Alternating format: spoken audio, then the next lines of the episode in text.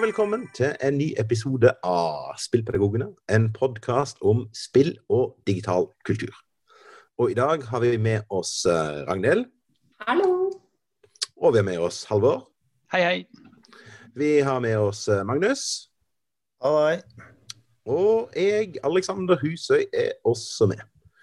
Og i dagens episode så har vi tenkt oss å snakke om et begrep som ofte vever sammen og blander sammen med spillbasert læring og spillpedagogikk, men som uh, vi tenkte at det var på tide at vi viet en episode til oss å klargjøre hva, er, ja, hva egentlig er, hvordan det skiller seg fra en del av disse andre tingene som vi driver med. Og det er nemlig gamification. Og gamification det defineres i alle fall av Oxford Dictionary som the use of elements of gameplaying in another activity, usually in order to make that activity more interesting. Og sånn i tilfelle det var en munnfull, så handler gamification, eventuell spillifisering, om å bruke elementer fra spillverden i andre aktiviteter. Sånne framdriftsbarer som du ser når du må ta spørreundersøkelser. Eh, bonussystemer som flyselskaper eller hotellkjeder bruker. Og Snapstreaks og andre sånne digitale belønningssystemer i sosiale medier. Det er alt sammen eksempler på gamification. Som mer enn gjennomsnittlig opptatt av både spill og pedagogikk, så kan man kanskje tenke det at gamification i skolen det er noe vi i Spillpedagogene er ville av begeistring for. Men vi kan vel røpe allerede nå uh, at det er vi egentlig ikke. Forskjellen mellom gamification og bruk av spill i undervisningen det kommer vi til å komme tilbake til snart. Men før vi gjør det, skal vi ta en liten runde på hva vi har drevet med den siste tiden. Og Da tenkte jeg vi begynner med, begynner med deg, Ragnhild. Hva har du drevet på med? Ja, jeg har holdt på med ganske mye siden sist, fordi jeg ikke har vært med på veldig veldig lenge. Eh, men det er eh, stort sett fordi jeg er i min egen lille forskerboble og prøver å redde verden. Eh, I en veldig nisjete verden, da, selvfølgelig. Eh, men eh, det er kanskje ikke så veldig underholdende for lytterne å høre på akkurat nå, fordi at der er det mer kaos enn eh, løsninger. Men pga. den forskerbobla og det jeg holder på med der, så spiller jeg veldig mye forskjellige spill som jeg antageligvis ikke ville spilt ellers. Så jeg tenkte jeg kunne nevne et par av de som jeg har kommet over, som jeg tenkte at det her hadde faktisk funka ganske bra i undervisning. Eller bare hvis man har lyst på litt sånn koselige, eh, tenkende småspill.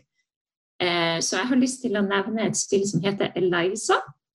Der jobber man Eller man kommer inn som en intern på et stort firma som har kunstig intelligens som er terapeuter. og holder på med altså sånn psykologisk veiledning i forskjellige grader. Eh, og du kommer inn som intern og skal være menneske som videreformidler det den kunstige intelligensen sier at du skal si til disse pasientene.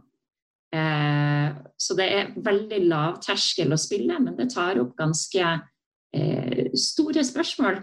Og er ganske fint laga, sånn sett. Så det kunne jeg ha tenkt meg at noen kanskje tør å prøve.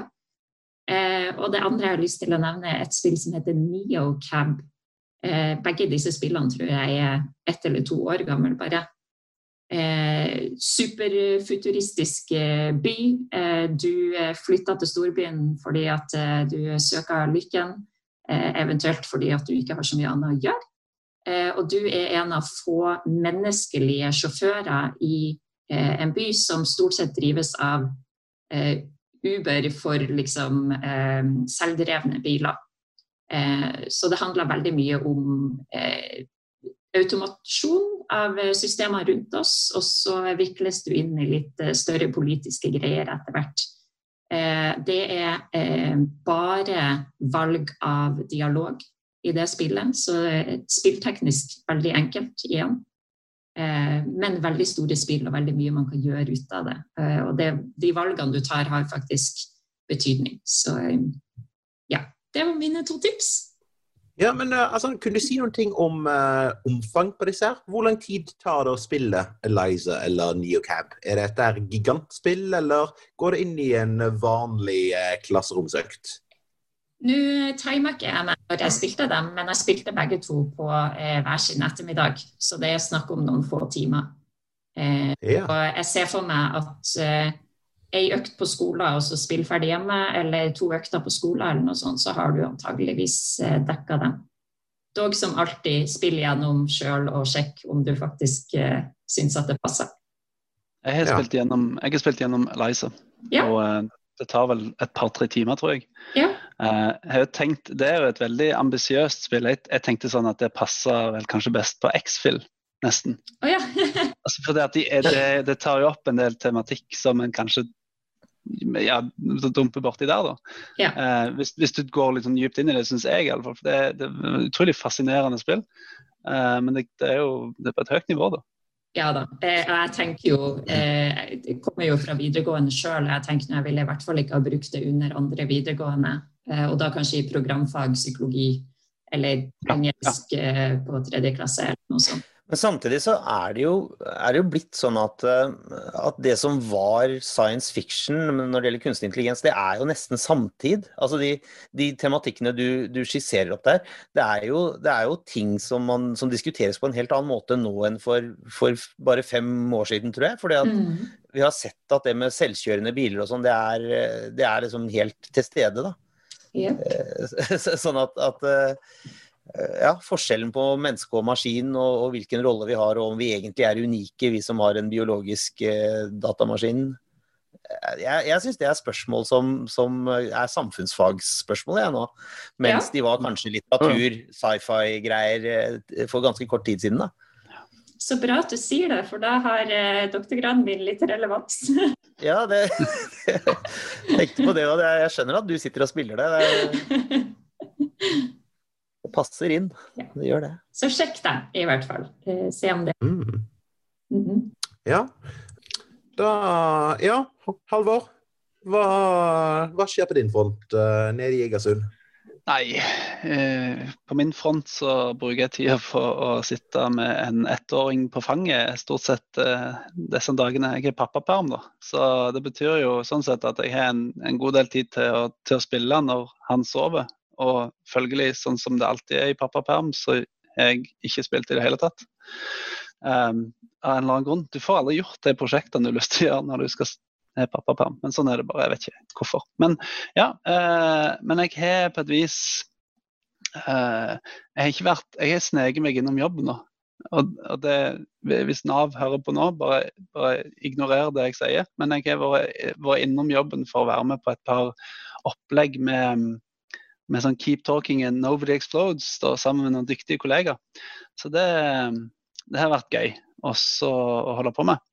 Bare for å på en måte eh, hjelpe litt i gang. En del av jobben min er nå å være spillpedagog og, og, og bistå på et vis. Så jeg sneker meg gjennom der. Og så for litt siden så ble jeg òg gjorde med en sånn intervju uh, i forbindelse med at uh, NDLA skal lage noe undervisningsmateriell til VG2 medie- og informasjonskunnskap. Så da gjorde vi et intervju om spill i skolen, der, der eh, jeg snakka med, med, med filmcrewet, håper jeg, og så hadde vi et opplegg i klasserommet. Og så er Universitetet i Stavanger med på en del av dette. Så det, ja, det blir spennende å se hvordan den eh, bryter ut og blir, blir til slutt. Da. Men eh, ja, igjen, har ikke fått spilt så fryktelig mye eh, i det siste. Uh, altså, hva slags intervju er dette her? Er det dybde ja. i uh, spill og sånn, eller? Ja, det, det, handler egentlig om at uh, det faget som heter VG2 medie- og informasjonskunnskap, det, der skal en på en måte ta for seg ulike medier til bruk i skolen. da. Og, og, og da, var, da, har man jo fryktelig lite ja, materiell på, på, spill som et medie som man bruker i skolen. Så da ble jeg lærerstemmen inn i det, og så har de intervjua litt elever som har sagt sitt. Og, så, og, og forskermiljøet ved, ved, Universitetet i Stavanger. Um, så det jeg, jeg, jeg, tror på et vis at det her er jo mye råfilm som skal ned til en liten sånn snutt på en del av. Så jeg, jeg er jo spent på, på hvordan sluttproduktet blir. da, Men jeg, jeg, tror, jeg, tror, kanskje unntaksvis jeg fikk sagt noen fornuftige ting. Så vi får håpe de velger det, da. Det høres jo veldig spennende ja. ut, da. Ja, det var veldig gøy å være med på. Så um, Ja. Uh, hva med du, Magnus? Jeg vet uh, du uh, holder på med MUK. Hvordan går den? Ja, jeg, ja. Hva jeg driver med? Om dagen. Jeg har akkurat gjort ferdig Mukken, som, jeg, som, som, egentlig skulle lages før sommeren, men havna litt i sånn koronafast i, i hverdagen min. Så, så, jeg har styra litt med den. Men, men den er jo da en mokk om spillbasert læring som jeg har snakka mye om i en tidligere episode. Og, eh, og, som har 300, eh, rett oppunder 300 deltakere. 300 norske lærere som uh, har meldt seg på den. Og så er det nå veldig spennende fordi eh, altså jeg har jobba mange år med MOOC, altså nettbaserte eh, universitetskurs. Og eh, det er jo helt det er, det er, veldig vanskelig å komme forbi det, forskjellen på, på antall påmeldte og antall som fullfører. Eh, det er gjort mye forskning på hvordan man kan få til en gjennomstrømming. Fordi at, det, fordi at frafallet, hvis du teller påmeldinger, er så enormt stort. Da. Veldig mange av de som melder, Å melde seg på er bare et klikk. ikke sant? Mm. Og veldig mange av de som melder seg på, de, de gjør aldri noen ting i Mokken. Men nå er det omtrent halvparten. Det er langt over 100 som har begynt. Og så er det min utfordring å få dem til å avslutte. Og, og Mokken innebærer jo en sånn, det kommer til et sånn høydepunkt hvor, man, hvor, de skal bruke spill i egen undervisning. og Det er en essensiell del. altså Hele kurset er egentlig en sånn scaffolding, en stillasbygging rundt lærere som skal bruke spill selv i egen undervisning. Sånn at um, det blir uh, veldig spennende å se hvor mange som tør å hoppe i det og kommer seg over den kneika. da. Uh, det, er jeg, det er jeg spent på. Uh, og Det er ikke så mange hittil, men det er ikke så rart heller. For det man er jo folk har, altså de, skal, de skal gjøre dette, de skal time dette i forhold til sin, sin uh, halvårsplan. De skal gjøre det begynne litt i forkant, et par uker i forkant av, av når de selv skal bruke spill. Så, så, de skal ikke fullføre det fortest mulig. Men nå begynner det å bli sånn at nå håper jeg snart noen, noen gjør det. da, ikke sant? Og, og jeg, noen, et par stykker er, er, har gjort det, men, men, veldig mange har da ikke gjort det. Så, så det er spennende. Jeg sitter på nåler. Så hva er, hva, hva er, målet ditt her, eh, Magnus? Hvis uh, 10 fullfører, er det, er det, suksess? Hvis 50 fullfører, er det suksess? Eller hvor uh, Har du noen tanker der? Ja, altså jeg, jeg har jo vært så, så liksom diplomatisk med meg selv og verden at, at jeg sier at hvis én fullfører, så er jo det suksess for den ene. Ikke sant? Og ti ville vært veldig fint. Før, før påmeldinga starta, så tenkte jeg at ti var Ja ja, hvis vi får med ti lærere gjennom det løpet, så er jo det kult. ikke sant? Og hvis vi får med 30, så er det kjempekult. Men idet vi fikk 300 påmeldinger, så begynner jo liksom Da er the stakes litt higher, ikke sant? Da begynner man jo å ønske seg flere gjennomført. Og, og, og når nå 150, knapt 150 har, har eh, begynt, så håper jeg jo at vi får at i hvert fall, eh, hvert fall en tredjedel av dem da, kommer seg over, over uh, gjennom hele kurset. da. Uh, så, så, hvis vi får 50, tenker jeg, da, da spretter jeg champagnen og tenker at det er, det er veldig fint. Uh, ja.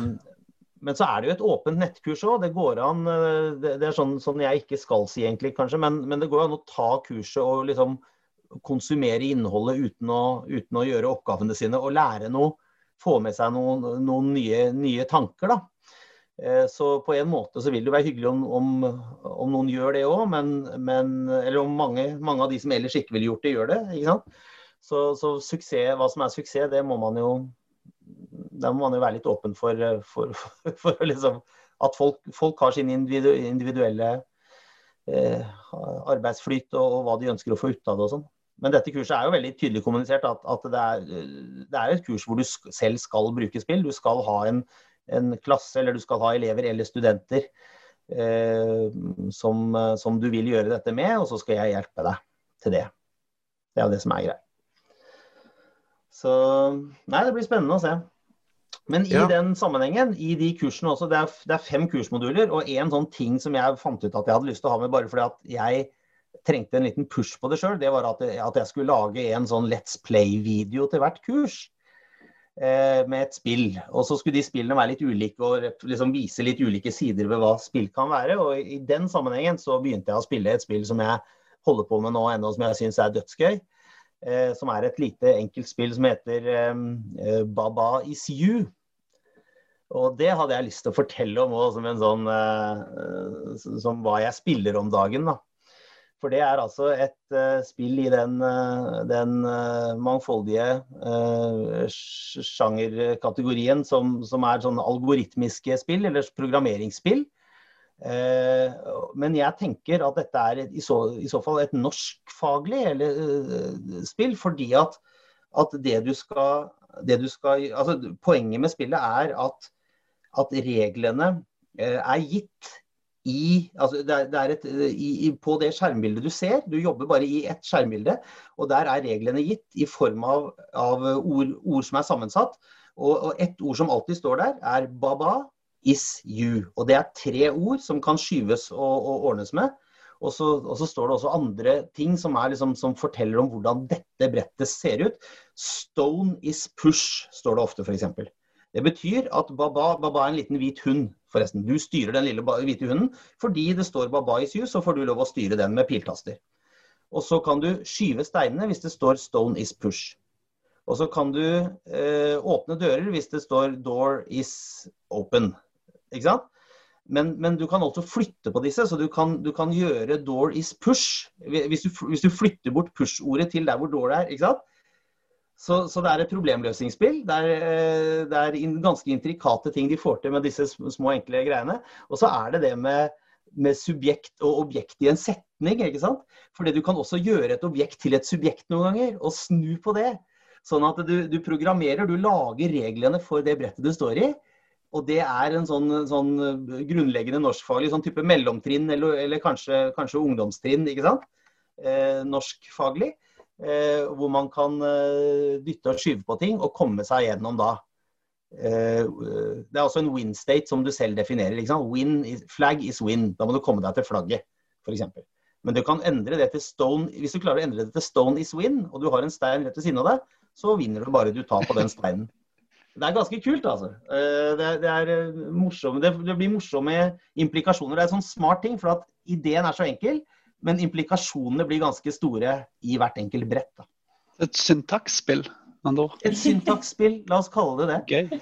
Eh, det er liksom norskfagets versjon av, eh, av, disse Hva heter det for noe? Human resource machine, ikke sant? Mm. som er mer enn mer sånn matematisk eller realfaglig. Og dette er liksom en språklig, enkel språklig greie. da. Mm. Data er, altså Dataprogrammering er jo språk, og det blir veldig tydelig her. da. Kan jeg bare få kommentere på noe annet angående eh, denne her mukken din, eh, Magnus? Jeg er jo faktisk en ja. deltaker på denne mukken. Uh, og i første, uh, første økten, eller den første uken, eller hvordan det er definert, så snakker du om et spill som jeg tror heter Space Team IFL. Mm. Og det har du aldri snakket om til oss før. Og jeg ble nesten litt forulempet. For det, det, er jo et helt nydelig og kjempeenkelt spill å, å ta inn i klasserommet. Og det jeg, det jeg også fant ut, at dette finnes jo også på fransk. Astronautes uh, Astronautes uh, IFL, tror jeg det heter den. Uh, uh, tror den eller FLS, det er vel uh, French second language. Alt er omvendt, da. Det er liksom Nato er OTAN og sånn. Uh, og uh, for at altså, Dette er jo da en slags forenklet 'keep talking and nobody explodes', mm. som krever mye mindre språkkompetanse enn det mm.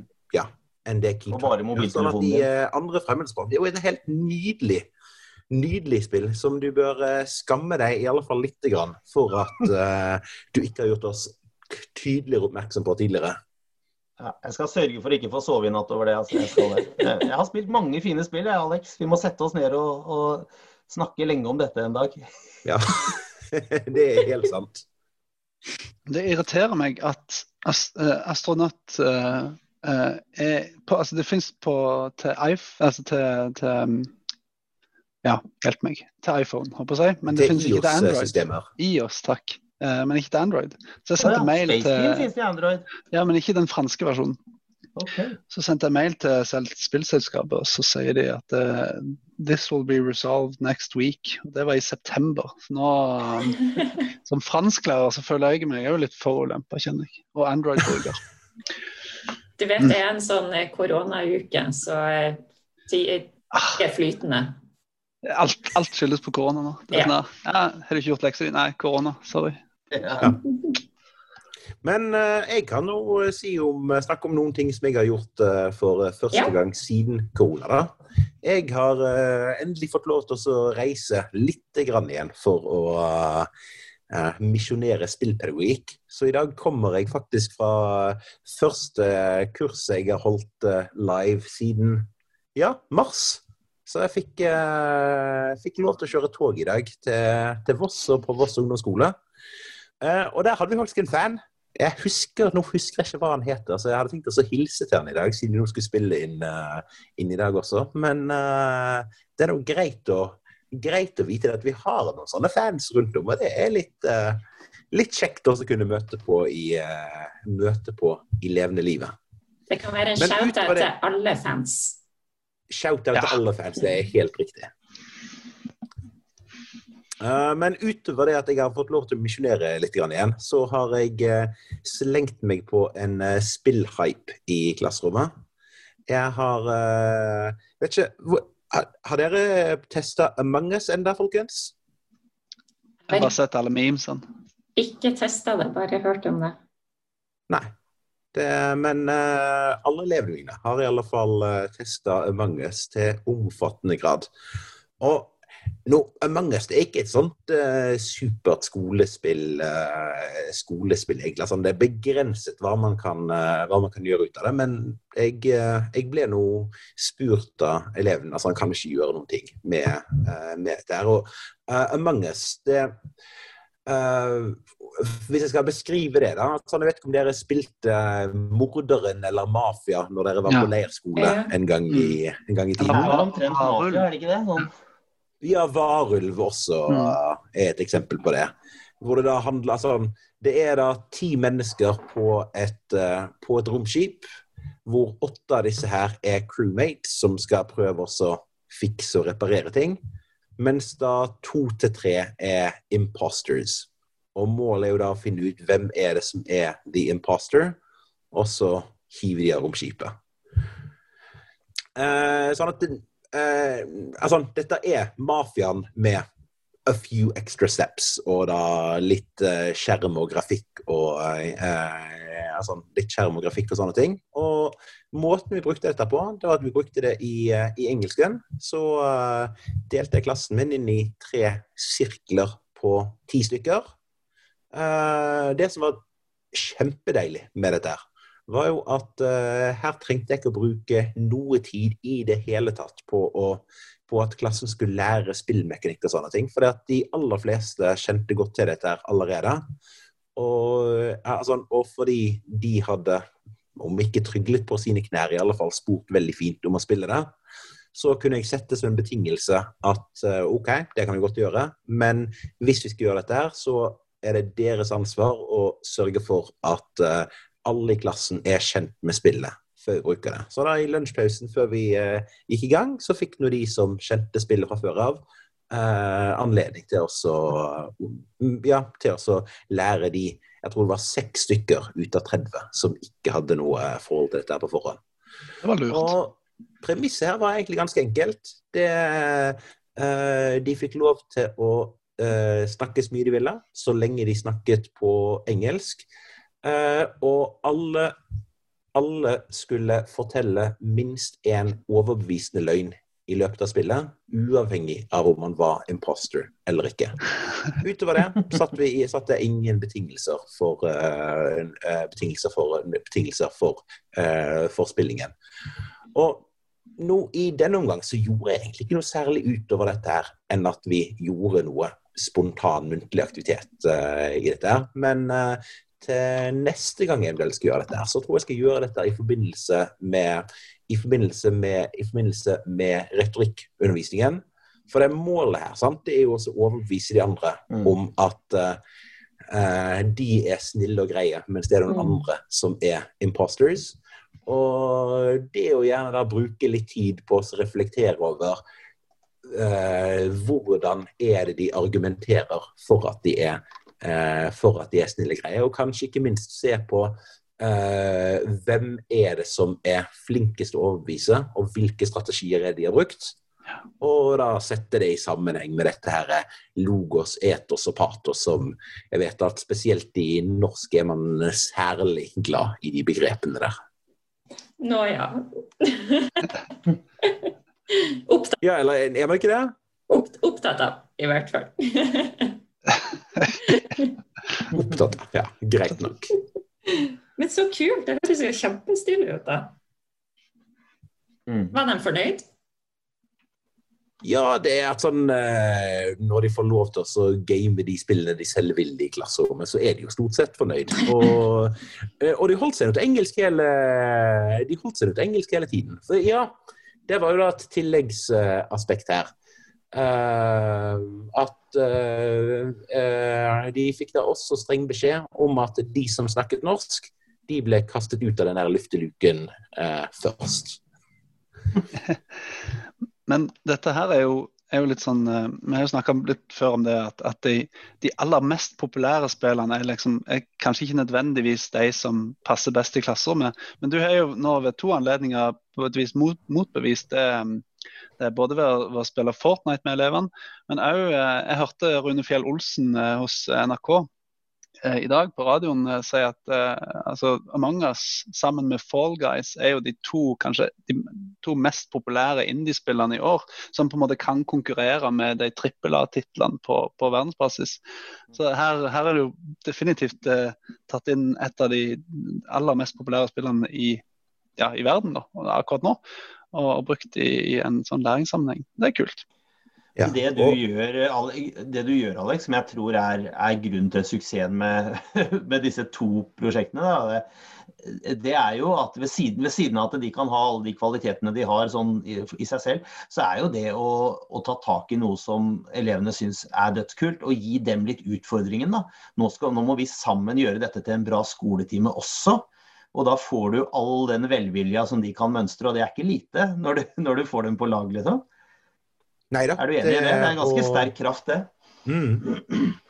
Ja, og det og, altså, også, sånn, eh, Dette altså, det, Nå er det en veldig stor forskjell på Among Us og, på Among Us og Fortnite. At uh, Fortnite, det vil du kun Altså, det, det kan du kun bruke hvis, uh, hvis elevene allerede har investert mye tid i å lære seg Fortnite. For Fortnite er ikke noe du kan bare plukke opp og lære deg i løpet av en lunsjpause.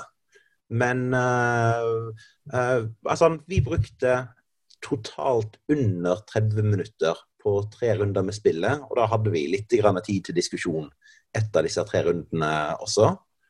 Sånn at uh, som en sånn kort eh, mellomaktivitet hvor du både kan ja, gi elevene litt av det de vil, samtidig som du eh, en, ja, kan ha en tydelig faglig ramme rundt det. Så eh, kan det funke fint.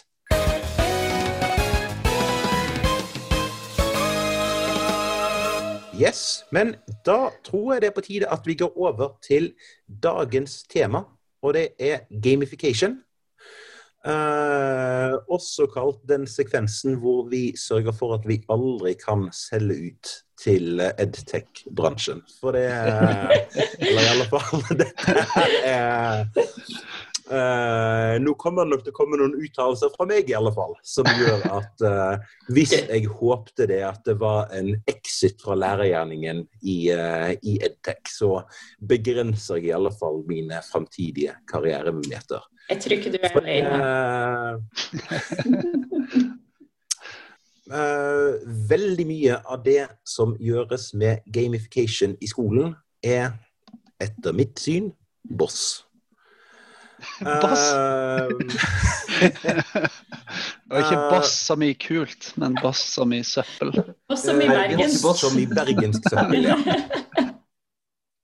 Uh, nå uh, sier jeg ikke det at gamification per definisjon er, er dumt, og, dumt og trist og leit, men jeg har sett en tendens til at det er en del uh, programvare og systemer som markedsføres etter hvert ganske tungt inn mot skolen. Ikke så mye i Norge ennå, men uh, i alle fall i USA så er dette her blitt en Eller så er dette i ferd med å bli en stor greie. Det er i alle fall mitt, uh, mitt inntrykk. Og da snakker jeg om type uh, belønningssystemer som da gir uh, experience points eller digitale artefakter eller tilsvarende som belønning for god skoleatferd. God god atferd, det, det, kan være ting som at man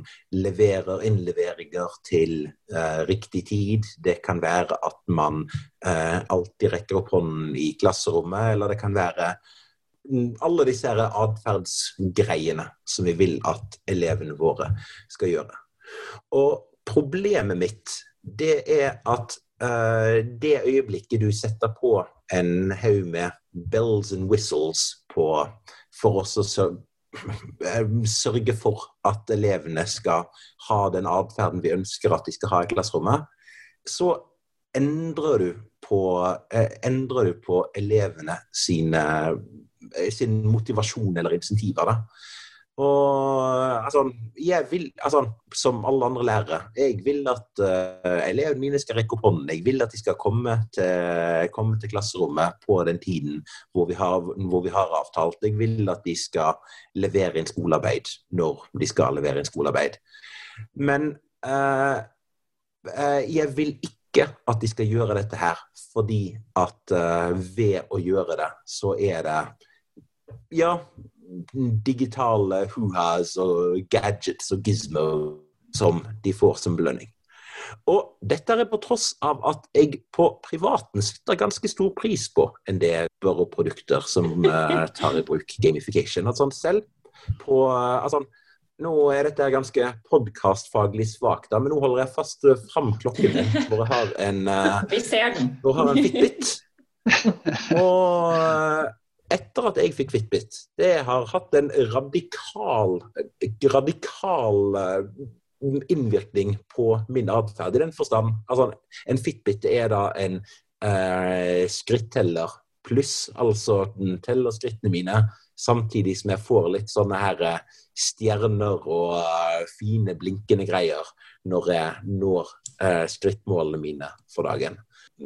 Altså, uh, dette altså, disse her uh, helt meningsløse belønningene som uh, denne appen min gir meg, de uh, har en helt reell effekt på at, på at det går mer. samme ser vi med en, en annen liten sånn hobby som jeg har tatt opp nå i det siste. I det siste.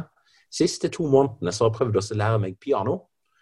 Og da har jeg brukt en app som heter Simply Piano som da er en eh, blanding av litt sånn eh, notelære og sanger. Men med masse sånne her stjerner og progress bars og lydeffekter og animasjoner som skal gjøre det gøyere for meg å spille piano, og som skal gi meg belønninger når jeg eh, klarer også å treffe de riktige notene.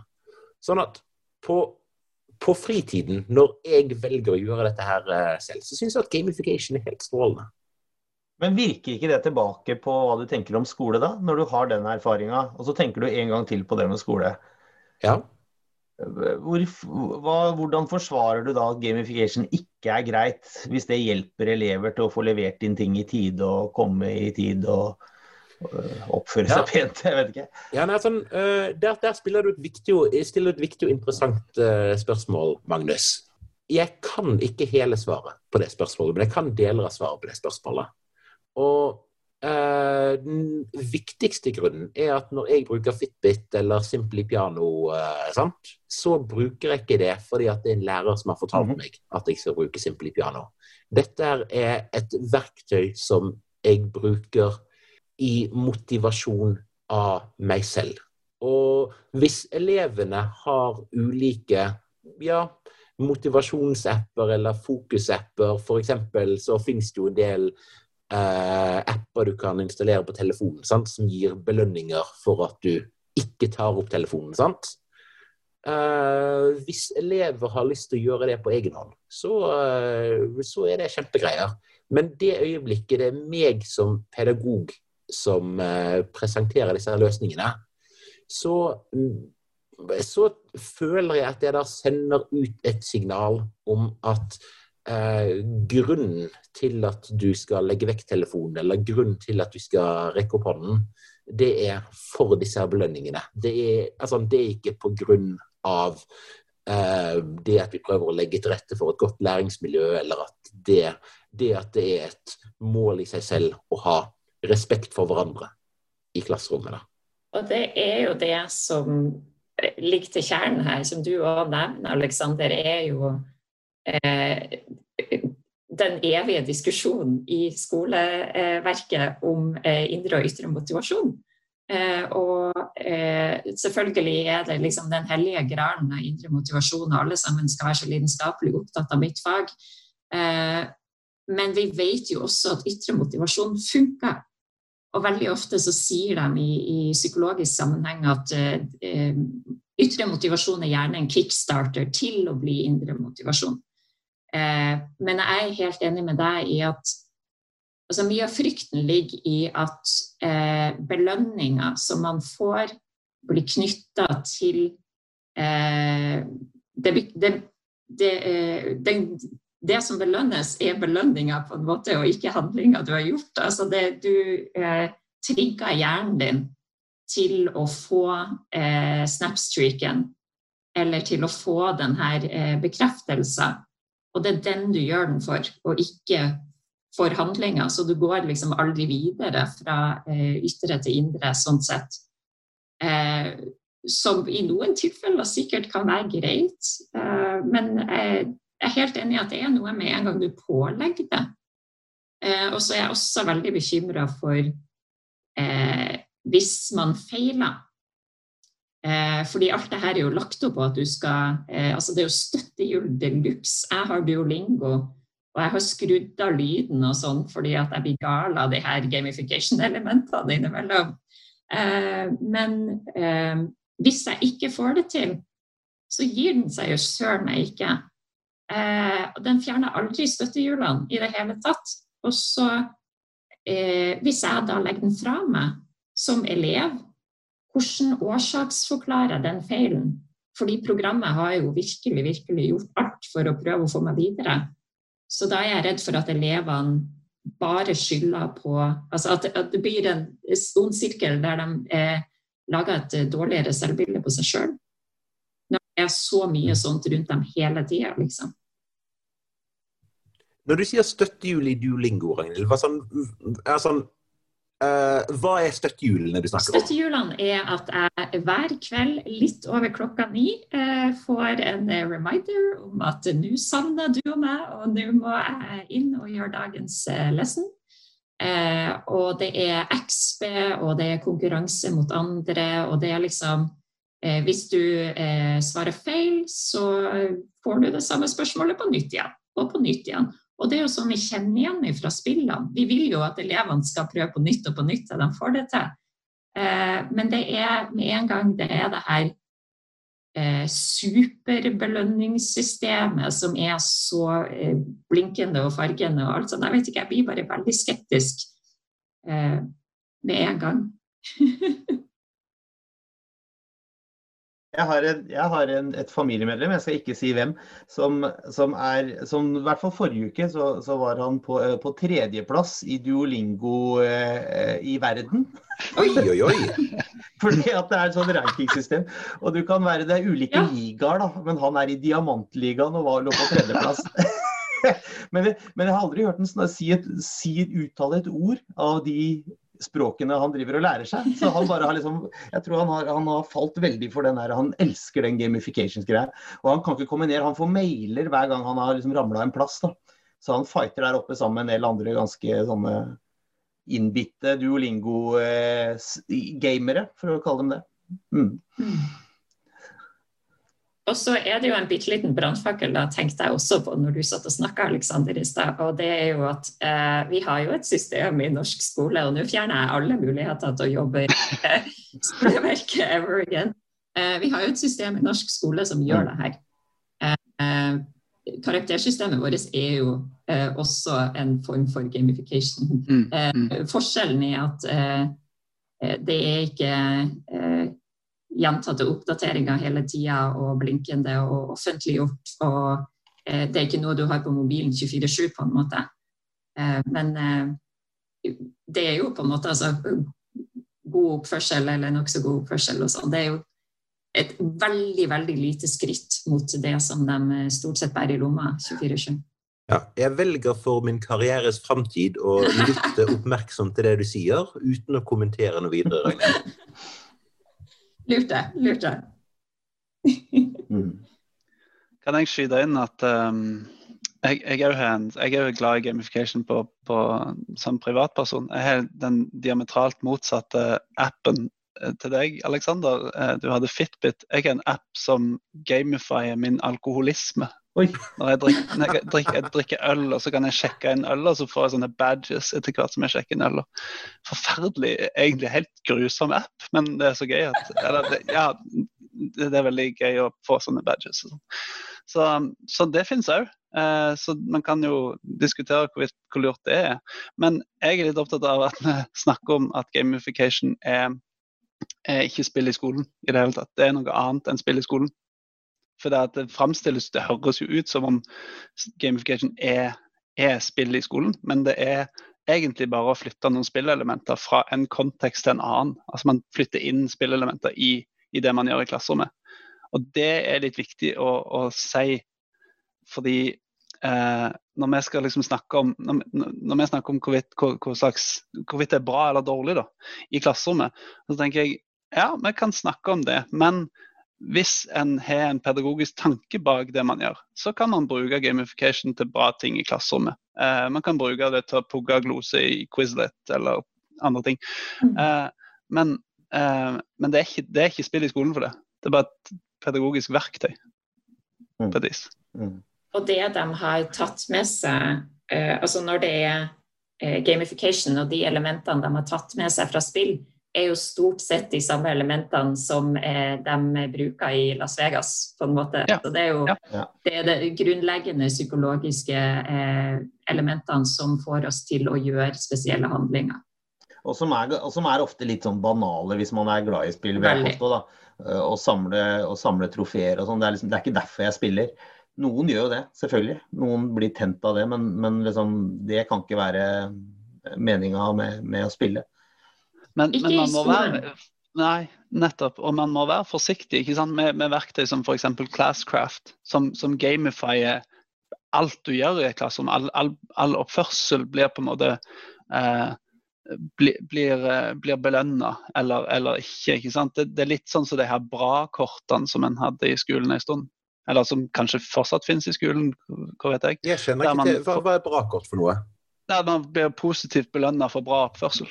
Altså at man får et type kort for bra oppførsel. Nå har du gjort noe bra. Og det er problematisk, fordi det som skjer da, er jo at da er den gode oppførselen knytta til det, den belønningen man får, ikke at den gode oppførselen er bra i seg sjøl. Brakort er helt forferdelig. er det sånn eh, Scarlet Letter, at du går med det rundt halsen? Litt sånn 'jeg reiser alene'? Nei, det, det tror jeg ikke. Jeg ikke var, det her er jo mer sånn på barneskolenivå, så jeg har ikke sikkert lagt mine sjanser til å jobbe i grunnskolen nå. Men, men jeg, altså, jeg jeg syns at brakort er, konseptet brakort er helt forferdelig. Og det ligner litt på f.eks. det som en prøver å gjøre i Du nevnte det at USA så er dette på vei opp. og det, det er liksom den, Når man, når man gamifier eh, altså oppførsel, så er, da er man på ville veier, tror jeg. Men det er jo mange som gjør det. Altså, det er jo eh, steder som gjør det her med Det hadde vært superinteressant å høre hva de sier. Det må vi få til. Mm. Ja. Men, men, men har til, da har jeg lyst til å gjøre en annen distinksjon. For jeg satt og tenkte litt på dette med gamification. Og, og en, et sånn gamification-system som som jeg, kjenner litt til har sett litt i bruk, det er jo det som heter Heimdal Quest på Heimdal videregående i Trondheim. Som, som han, Jason Reddy heter han som har, har lagd det. Og det og det er jo nettopp det som, jeg, det som, gjør at jeg liker det, på en måte, er at det belønner ikke opp, eller det, har, det, det berører oppførsel òg, men, men, at det ikke egentlig belønner, belønner faglig prestasjon. For det tenker jeg at, at hvis, hvis når, som faglærer og fagperson, så har jeg jo lyst til at, eh, at jeg skal finne fram til de triggerne i faget som er relevante og, og Eh, og faglig liksom, i, i, kjernen av faget. Um, og at det er de, at jeg, det er min oppgave å gjøre dem motiverende på et eller annet vis. ikke sant? Um, mens, uh, mens Heimdal Quest da, det, det, brukes jo da uh, i veldig stor grad for liksom, sånn klassemiljø og, og for, for, for, en gruppe til å fungere sammen. Sånn. Egentlig på en, på en, sånn måte som kunne liksom, falt for den kritikken din nå, Halvor. men Samtidig mm. så er det lagd av han, Jason er veldig han, han, er en gammel sånn, sånn uh, fantasy gamer, ikke sant. Og, og de får ulike roller eh, som, som, er liksom uh, paladin og healer og ikke sant? Det, det som vi kjenner til som sånne karakterer. Og så skal de sammen liksom Så er, så er skolen et oppdrag. Og det han, det han gjør da, det er jo at han, han tar vekk det kjedelige skolespillet som du refererer, Ragnhild. Eh, for skolen er jo et spill, ikke sant? Sånn, sånn det foreligger òg. Og så bytter han det ut med noe som er mye kulere, og så får han også elevene med på laget. ikke sant? Hvis noen ikke ønsker å gjøre det bra i Heimdal Quest, så får de jo ikke dårlige karakterer. Og, og dette er jo videregående òg, ikke sant? så de har jo et litt annet nivå. enn, altså På barneskolen så det dette, kan dette fort bli manipulativt. da. Men, men, men det er jo det jeg liker med Heimdal Quest, som jeg ikke er sånn uh, ukritisk til i det hele tatt, altså, men det jeg liker med det, er jo nettopp at han sparer det rent faglige. Han sier det er liksom noe annet. Her er det, her skal, nå skal vi ha det gøy sammen og gjøre alle de der kjedelige, obligatoriske delene av skolevirkeligheten til noe som er litt gøyere, da. Men du sier ja, bare... ja, Du sier, Magnus, at fordi at dette er videregående, så er det ikke manipulerende. Ja. Det er ikke helt min oppfatning. Uh, det øyeblikket jeg vil at alle elevene mine skal være snille og greie og omtenksomme og empatiske og ha alle mulige slags gode kvaliteter. Sant? Og det vil, uh, må vi anta at de aller, aller fleste elever ønsker for sine klasserom. At man skal ha hyggelige og greie elever som er snille og respektfulle og alt det der det Heimdal Quest og Classcraft og veldig mange andre tilsvarende systemer, eh, systemer gjør, er at man skaper en, skaper en belønning utover det naturlig sosiale for uh, den type atferd som vi Altså som vi egentlig ikke Iallfall som ikke jeg ønsker. At elevene mine skal få en tangible eller håndfast belønning for. At belønningen de skal få for god atferd, uh, god eller for å være snille og greie mot hverandre, det er de naturlige reaksjonene, den eh, eh, Altså den skryten, de positive responsene som man får når man er en snill og grei person, tenker jeg. Og dermed er du mer manipulerende Jobber du på en av disse skolene som ikke gir anmerkninger òg, du da kanskje? Uh, jeg skal ikke helt kommentere hva som er anmerkningspolicyen min heller. Fordi uh, uh, her er jeg ikke nødvendigvis helt på linje med der hvor min skole legger seg. Jeg vil, gjerne, jeg vil, gjerne, kommentere det. Ja, det der, fordi Du nevnte det i stad med, med, med med, med, ja, med at, at, karakterer og, og anmerkninger er, er, gamification. Det var vel du Ragnhild som sa det. Og det er klart En av de skolene som har fått det best til i Rogaland, er Bergeland videregående skole, som, som kutter, kutta, anmerkninger. For, for, å på en måte prøve å se om det hjelper på skolemiljøet. Mm. Og det, Nå er rektoren der pensjonert for noen år siden, men, men han, hadde, han, gjorde store ting med pedagogikken på den skolen. der, og Det handler om å ta vekk den, det elementet der, som, som, egentlig er en sånn Ja, det er jo gamification òg, negativ, i negativ forstand. og Så tok man vekk det elementet, og så endra ting seg. Mm. Men Det høres jo ut som vi snakker om gamification på eh, flere forskjellige nivåer her, og blander dem litt sammen. Eh, ja. Fordi at eh, sånn som de her klasseromsatferds...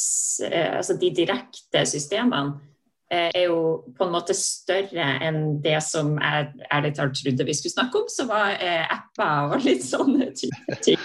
Eh, men jeg, tenker at det er viktig også for lærerne der ute å for det første være, sånn som Halvor sier, først være klar over forskjellen på gamification og spill i skolen. Det kan være gamification i Det er faktisk ofte gamification-elementer i spillene òg. De er jo inspirert av hverandre. Mm. Eh, men at det er, eh, det er noe som vi blir utsatt for, og eh, elevene blir utsatt, utsatt for i form av eh, mobiltelefoner og PC-er og alt mulig sånn. Og så kommer det her overordna spørsmålet eh, som går på klasseromssituasjonen, som egentlig er Eh, den krigen mellom de som tenker at ytre motivasjon fører til indre, og de som tenker at eh, indre motivasjon kommer av seg sjøl. Det, det, er jo det som ligger i grunnen her, på en måte. Mm. Virker det som, i hvert fall. Mm. Og så har jeg et tredje nivå, eh, innser jeg nå, eh, som jeg er veldig opptatt av. Og det har med personvern og datalagring og sånn å gjøre. Mm. Eh, fordi eh, nå vet jeg ikke hvordan det er i de klasseromssystemene. Eh, men appene lagrer jo alt vi gjør. Eh, så hvis vi som eh, pedagoger oppfordrer til bruk av apper, eller til og med krever bruk av apper, så skal vi søren meg være klar over hva den dataen brukes til. Okay. Ja, det er sant. Er ikke Duolingo egentlig et, et stort uh, crowda prosjekt der man oversetter ting på nett? Jeg, har jeg lest en eller annen gang. Oh. Altså Der de setningene du får på et vis er setninger som, som er henta fra nett, som du Ved at mange spiller Duolingo, så får man gode oversettelser på et vis. Har jeg vært borti en gang, tror jeg. Så det, at, eh, det er klart Personvernelementet her er jo kjempeviktig. Jeg har gitt lekser i Duolingo sjøl, og så har jeg tenkt etterpå at oi, hmm, kanskje egentlig ikke det er så lurt å gjøre det. Um, så, så, ja, det er jo et perspektiv som vi kanskje ikke tenker over så mye, fordi, nettopp fordi at eh, de, de appene er en så stor del av, av hverdagen vår uansett. Men tenker at det, noe, det, det, kan jo bare bringes inn i skolen uten at det er problematisk i det hele tatt. Mm. Men, men klarer man å ikke gjøre det? Altså, det, jeg klarer ikke helt å se for meg en skolehverdag og i framtida der, der, vi på et vis ikke må forholde oss til ting som, som egentlig kan, kan, være datainnsamling som er, som er på et vis brudd på det personene som du snakker om nå, da? Nei, men det, det, jeg tror det bare handler om at man er klar over det. Det er jo det vi på en måte snakker om her nå òg. At, ja. at, læreren må vite om hva gamification er, og ja. at det potensielt er manipulerende, og at det kanskje ikke fører til det du tror det gjør. Kanskje de lærer Vi sier jo alltid at de lærer å spille spillet hvis man ikke har læreren til å kontekstualisere det. ikke sant? Mm. mm. Det gjør jo absolutt eh, også gamification. Mm. Eh, kanskje i større grad fordi at det på en måte fjerner behovet for en lærer. Det er spillet som gjør det sjøl. Eh, så eh, ja. Det er kanskje der jeg har den største mot, motviljen mot gamification. Det er på, det er på sånn på, på, et sånn nivå hvor man øh, Litt sånn innkjøpsnivå, nesten. da. For at, øh, jeg syns skoleeiere og skoleledere virker så veldig lette å manipulere. Og få dem til å kjøpe en eller annen, et eller annet system Ja, nå får ikke jeg noe jobb lenger heller. Å få dem til å kjøpe et eller annet tåpelig gamification-system og kalle det spillbasert læring f.eks., det, det får du lett en skolesjef til å gjøre et eller annet sted. da. Og det, De må beskyttes. Og, og hvis de beskyttes, så beskyttes jo på en måte alle nedover i hierarkiet der òg, da. Det virker dumme... som en quick fix, ikke sant? Ja, ikke sant? Og vi er veldig skeptiske som nordmenn til quick fixes. Hvis alle dumme og lettlurte skoleledere der ute som hører på podkasten vår, kan ta det budskapet til seg, så får vi en bedre skole. Yep. Vi har ikke tatt retorikkundervisning hos Aleksander. kan jeg nevne et eksempel på gamification som er kjempegøy, men som jeg ble litt usikker på? ja, gjør det, Halvor. Vi må være litt positive her også. Jeg, eh, jeg, jeg, eh, lot Eller lot eh, Jeg fikk, fikk, mine barn med på å, på å bruke denne, eller denne kampanjen nå, som heter Sommerles. Som er hver sommer, og som er i regi av bibliotek, bibliotekene, tror jeg. Um, Mm. Som handler om at man leser bøker, og så registrerer man de. og så, man, så, går man opp i level. Altså man får XP for hver bok man, man, leverer. og Jo større bok det er, jo mer XP får man. og så kan man, og så det ikke, Selv om man ikke kan lese, så kan man registrere bøker som man blir lest for, eller lydbøker eller andre ting. Og så får man eh, ulike badges for type bøker man leser, og så kan man gå på biblioteket og hente fysiske premier ved ulike sånn, nivåer da, som man kommer til. Og Det synes jeg er jeg synes at det er kanskje liksom det toppeksempelet på gamification done right. Da. Men så ble jeg litt usikker når vi diskuterte den, for jeg tenkte sånn Å ja, OK, men kanskje de bare leser for belønning i stedet? Ja, nå øh, Jeg har jo unger på omtrent samme alder som det du har, øh, Halvor, som da er midt i prima alder for, øh, for sommerles. Mm. Og jeg tror også at uh, våre unger har til felles at de i utgangspunktet også liker å lese. Mm. Jeg vet ikke om det gjelder uh, dine unger også? Jo. Og altså at øh, altså Mine barn de har lest vesentlig mer når den sommerleskampanjen har pågått. Men jeg er det hadde vært, altså, hadde, hadde vært interessant å vite med eh, jevnaldrende barn som ikke er videre interessert i å lese sånn utgangspunktet, utgangspunktet, hvilken effekt det har på de. Jeg vet ikke om du eh, har gjort noen vet noe der, Halvor? Nei, jeg, jeg, gjør egentlig ikke det. Eh, apropos personvern, siden vi snakker om ungene våre på podkasten her. Men ja, nei. Eh, nei men, ja. men, det er klart at deltakelsen i seg sjøl i sommerles har jo vært ganske massiv. Og, og det har jo vært enormt mange sider som er lest. Så kan man jo stille spørsmål om det er reelle sider, eller om man bare driver på en måte registrerer bøker for å gå opp i level. Det kan man jo òg gjøre. Trenger jo ikke lese boken. Kan jo jukse i sommerles hvis man vil det. Eh, så om mm. de tallene er reelle eller ei, det vet vi ikke. Men, men, det er veldig mange barn som er med, og som drar på biblioteket og henter premier og sånn. Så om, om det har noen effekt sånn, hvis det har det, så betyr vel det kanskje at vi burde som foreldre belønne ungene våre for å lese bøker resten av året òg. Vet ikke jeg, Ragnhild? Ja, jeg tenker jo det er, eh, viktig å skyte inn at uh, gamification er jo ikke noe som er nytt nå med det digitale. Altså, vi har kanskje alle sammen hatt sånne eh, fine ark hengende i klasserommet, og så får du stjerne hvis du har vaska av tavla, på en måte. Mm. Eh, så det er jo ikke det er jo ikke en ondskapsfull ny digital greie som kommer for å ta barna våre, på en måte. Eh, men eh, det, det, handler om hva man har lyst til å oppnå med det, og være bevisst med det. Så hvis, hvis ungene leser masse, masse, og eh, de gjør det for dette prosjektet, eh, så er jo det en overveiing eh, man må ta, da. Er det greit? Jeg tenker at eh, hvis ungene leser masse, masse bøker, så kjør på med manipuleringa, men det er nå bare meg. Eh, men da blir det jo en diskusjon igjen om hva, hvor går grensa på en måte med gamification. Hva er greit og ikke. Ja, for, for, hva er målet? Altså Målet er jo på et vis leseglede. Altså Man ønsker jo at ungene skal fortsette å lese bøker i, inn i voksen alder. ikke sant? Og så er dette en måte til å dytte de inn i vi knekker lesekoden, kaller vi jo ofte. Eller få de til å eh, bli glad i litteratur.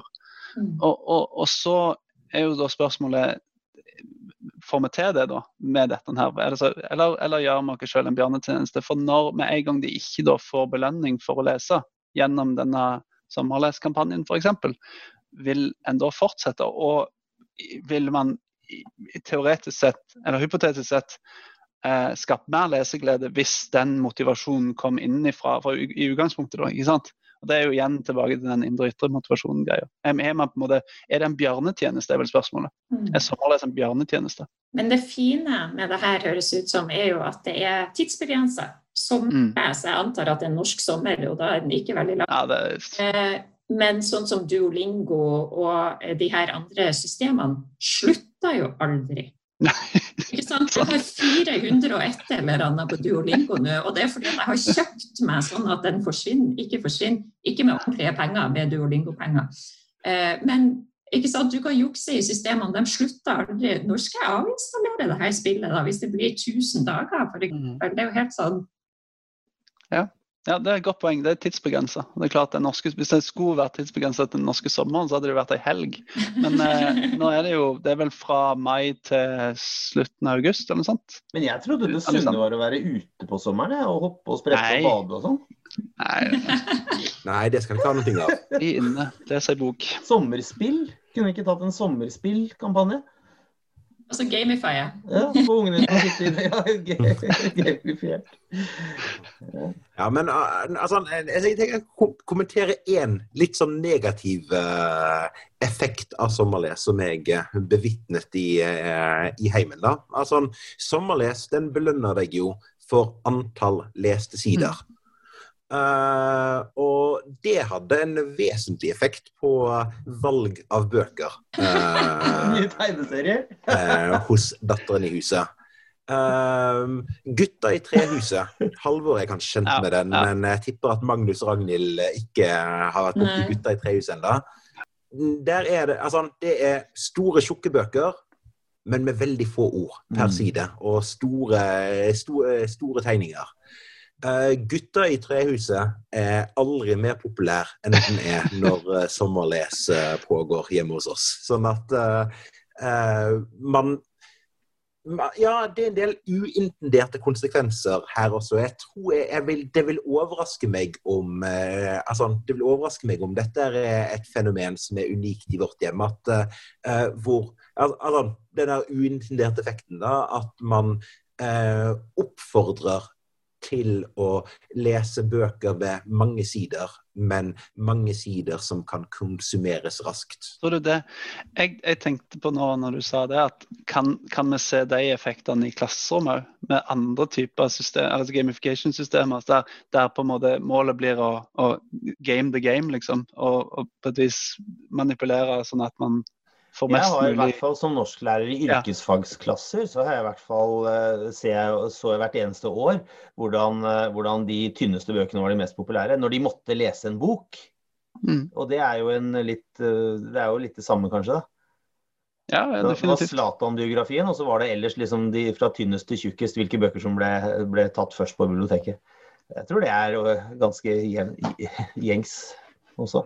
Men systemet er jo laga på å ta eh, større ting, uansett om det er å eh, lese eller Mm. å føre seg, Mm. og bryte ned i, i kvantifiserbare og liksom sånn datatall. Og da vil jo alltid noe gå tapt. Så når eh, ungene til Alexander er smart nok Mm. til å finne en hack, så tenker jeg Mm. wow, da Mm. har de hacka systemet. Algoritmisk tenkning. tenkning. Ja, og da er det systemet som er for dårlig, ikke sant? Jeg vite hvordan gamification-systemet funker. Mm. Eh, og så kanskje heller gjøre det til gamified at man skal hacke det. Det hadde vært gøy. De kommer langt, de ungene dine, Ja. Alex. Jeg Ja, vi har trua. Ja. Nei, men det er, godt, eh, det er godt å høre. Men jeg tror at uh, med det Nå har vi uh, dvelt litt lenger ved ja, flere interessante sider ved dette her enn det jeg tror noen av oss hadde tenkt i utgangspunktet. Men uh, da krysser vi fingrene for at vi fremdeles har en uh, jobb å gå til, også etter at denne podkasten er publisert. Og så Uansett blir det nok en uh, podkast til igjen om ca. en måneds tid. Yep, yep. Så takk for oss. Ha det bra. Ha det bra.